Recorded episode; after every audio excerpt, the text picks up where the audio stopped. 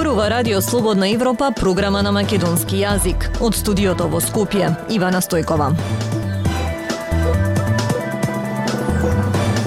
Почитувани во оваа емисија ке слушате како е ископан тунелот за бегство од најголемиот македонски затвор. Стручните веќе не се тепаат за работа во администрација. Договорите од Берлинскиот процес заглавени во парламентите. Останете со нас.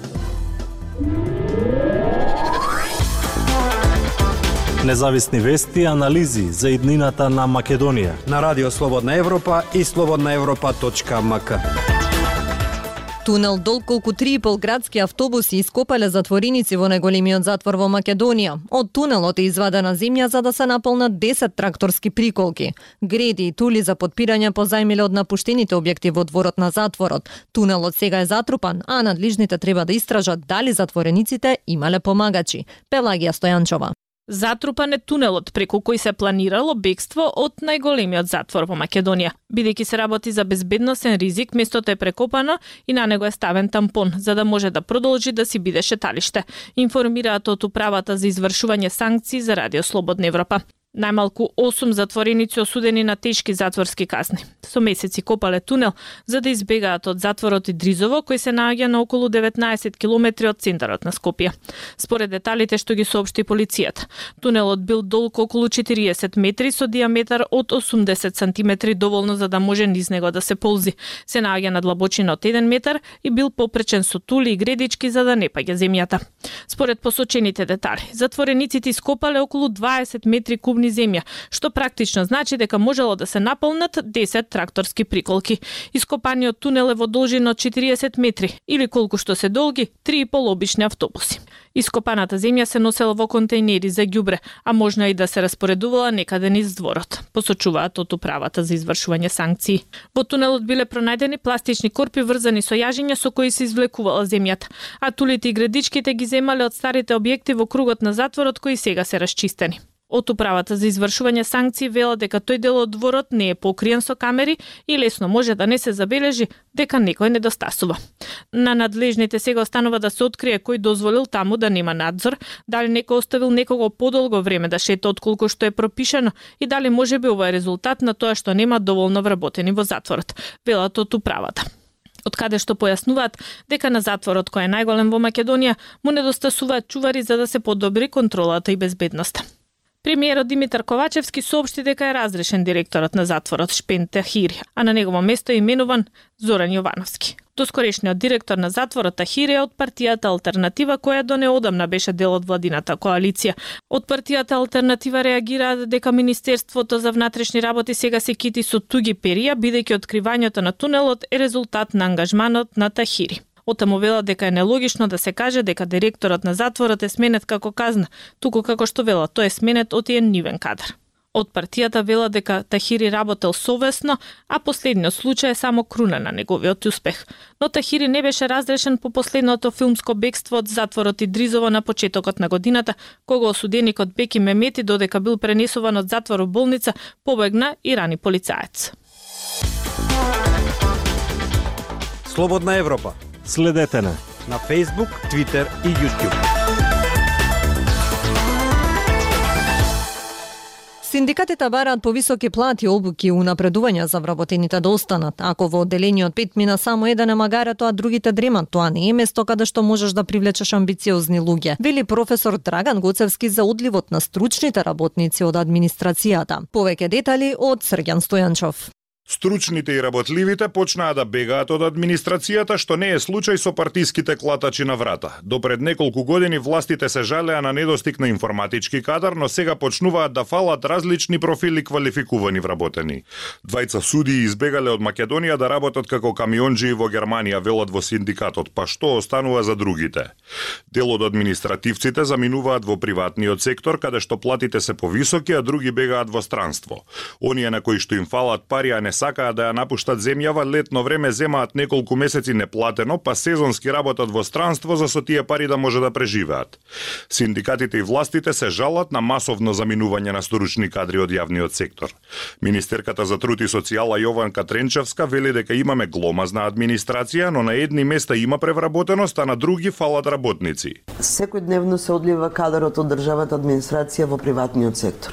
Добрите работници секојдневно си заминуваат во приватен сектор. Во разговор со колегите кои си заминуваат, најчесто е платата. платата. Во сите испитувања на јавното мислење, граѓаните се жалат на бавната и неефикасна администрација. Ова само ќе го влоши проблемот. Професор Драган Гоцевски, кој долги години го истражува ова прашање, вели дека задржувањето на квалитетни кадри во администрацијата е проблем кој трае веќе 15 години, но сега станува посериозен. Администрацијата беше привлечно место за вработување дока и 2007 година затоа што нудеше сигурност, стабилност и повисоки плати од приватниот сектор, па партиите ги користеа вработувањата во администрацијата за да привлечат приврзаници. Но потоа работите почнаа да се менуваат, вели тој. Платите не растат, трошоците се зголемуваат, а само малку луѓе го понесуваат целиот товар на работата. Особено тие стручни кои што треба да ја работат работата и кои знаат да ја работат работата, тие си заминуваат, остануваат голем број вработени на кои што не им се распределуваат работни задачи.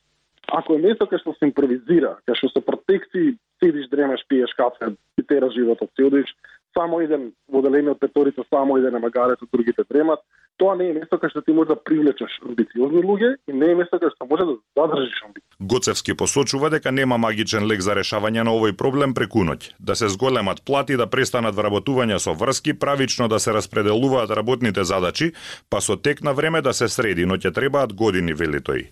Председателот на синдикатот на вработените во управата и правосудството Трпе Деановски алармира за масовен екзодус на административците. Од секаде заминуваат, па дури имавме примери на двајца суди да напуштат држава од помали судови во натрешноста да работат како шофери на камиони во Германија. Имаме сега ќе дојде лето, македонските административци се јавуваат како сезонски вработници во странство и сега најново е заминува да работат на Јадранската обола како готвачи и келнери. Синдикатот бара мораториум за вработување во јавниот сектор за да може моментално вработените да се обучат, да се унапредат и да добијат поголеми плати за да останат во државата. Дайте ни 15 минути и ние ќе ви го дадеме светот. Слободна Европа.мк Договорите кои го олеснуваат патувањето, студирањето и работата за граѓаните на земјите од Западен Балкан се подпишаа пред пет месеци, но во повеќето од земјите меѓу кои Македонија се уште не се ратификувани во парламентите. Повеќе детали во прилогот што следи. Договорите кои шефовите на владите на Србија, Косово, Црнагора, Северна Македонија, Албанија и Босна и Херцеговина ги подпишаа лани на самитот на Берлинскиот процес, ратификувани се само во две земји од подписниците, меѓу кои не и Македонија. Станува збор за договори за слобода на движење со лична карта за признавање на високообразовните квалификации и признавањето на професионалните квалификации на лекари, стоматолози и архитекти, чија цел е регионална интеграција и слободно движење на граѓаните на Западен Балкан. Во моментот кога во Македонија се отвори прашањето дека е необходно да се увезуваат работници. Владата на 14 март ги усвои на седница договорите. Предлог законот за ратификации на трите договори за слободно движење со лични карти и признавање дипломи и звања меѓу државите од Западен Балкан во рамки на Берлинскиот процес, како и во рамки на Централно-европскиот договор за слободна трговија, се испратени до Собранието на Република Северна Македонија. Велат од владата. Од Собранието пак велат дека се уште не ги добиле договорите и затоа не може да закажат нивна ратификација демокрација. Од Институтот за демократија повикуваат собранието што поскоро да ги стави на дневен ред и да бидат усвоени со консензус од сите политички партии. Институтот за демократија во најновата анкета што ја спровеле во земјава заклучуваат дека граѓаните се многу заинтересирани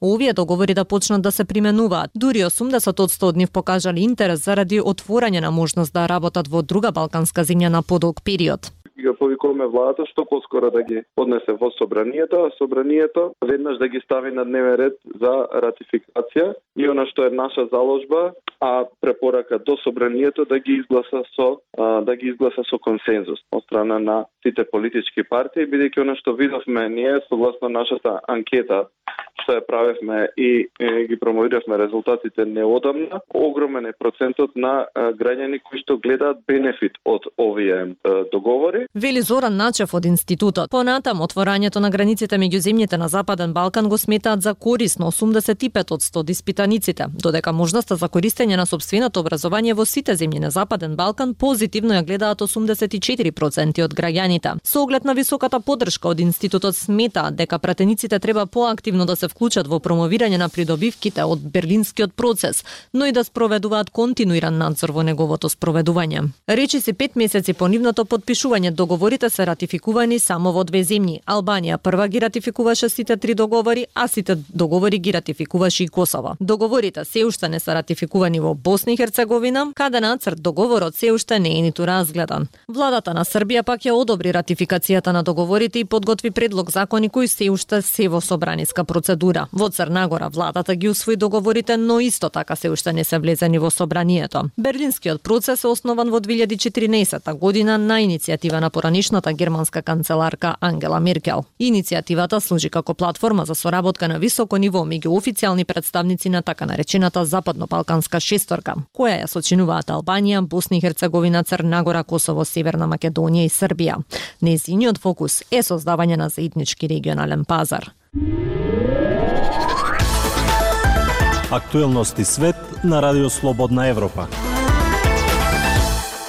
Москва и Белград ќе продолжат со обидите да влијаат на ситуацијата во Црнагора во следниот изборен циклус, според Даниел Сервер, професор на Американскиот универзитет Џон Хопкинс и Ивана Страднер, научен соработник во Фондацијата за одбрана на демократиите во Вашингтон. Еве што велат тие за Радио Слободна Европа. Москва и Билград ќе направат се за да ја искористат црногорската демократија против самата Црнагора, вели сервер за Радио Слободна Европа. Стаднер смета дека Русија заедно со своите партнери од Србија ќе ги продолжи информативните операции преку контролирани медиуми со цел да влијае на изборите. Таа исто така додава дека не би била изненадена од сајбер напади кои ќе го парализираат системот. На 2 април во Црнагора ќе се одржи вториот круг од председателските избори, на кој ќе се соочат кандидатот на Демократската партија на социјалистите Мило Ѓукановиќ и кандидатот на движењето Европа сега Јаков Милатовиќ. Ѓукановиќ во првиот круг доби 35 од 100 од гласовите, а Милатовиќ 28,9. Со оглед на тоа што Милатовиќ за вториот круг веќе ја доби поддршката од тројца кандидати од актуелното парламентарно мнозинство, кои во првиот круг освоиле околу 32 од 100 гласовите, тој важи за фаворит на овие избори. Сепак сервер вели дека не би го исклучил Ѓукановиќ од играта и додава дека не е убеден во тврдењата дека проруските политичари можат да бидат демократи. Тоа е контрадикторно, забележува сервер. Страднер пак нагласува дека Црнагора се наоѓа во поларизирана и многу чувствителна ситуација, што во голема мера го покажува фактот што кандидатот на прорускиот демократски фронт Андрија Мандик ги повика приврзаниците да гласаат за Милатовик. Имајќи предвид дека Мандик со години е носител на руската политика во Црнагора и има блиски врски со властите во Белград, тоа доволно зборува. Црнагора е членка на НАТО и овие избори се важни. Србија ја користи Црнагора за своите политички претензии. Вели таа, таа наведува дека Русија отворено го поддржува Мандик и дека немирите во Црнагора ќе одговорат на тоа. Особено затоа што е членка на НАТО и лесна цел. Доколку имаше немири, тоа ќе го отвори прашањето како НАТО ќе одговори, додава Страднер. Мандик беше кандидат на председателските избори. Тој е лидер на најбројниот сојуз на парламентарното мнозинство, просрпската и проруската демократски фронт, близок до Србија и председателот Александар Вучик. Иако тоа не го истакна во кампањата, неговиот демократски фронт долго време се залага за укинување на санкциите против Русија, напуштање на НАТО и повлекување на признавањето на Косово. Западот не треба да биде наивен бидејќи матрицата е позната преку активностите на Српската православна црква, Москва и Белград, коментира Страднер. Вели дека е тешко да се процени што би и донела победата на Милатовиќ на Црнагора. Коментирајќи го првиот круг од председателските избори, Американската амбасада во Подгорица соопшти дека очекуваат Црнагора да остане активен сојузник на НАТО кој од кандидатите да победи. На прашањето како исходот од председателските избори може да се одрази на предвремените парламентарни избори, сервер вели дека со вистински демократски избори не може однапред да се знае исходот, но дека треба да се очекува влијанието на Србија и Русија во изборниот процес. Тоа беше се во вестите на Радио Слободна Европа од студиото во Скопје. Со вас беа Ивана Стојкова и Дејан Балаловски. До слушање.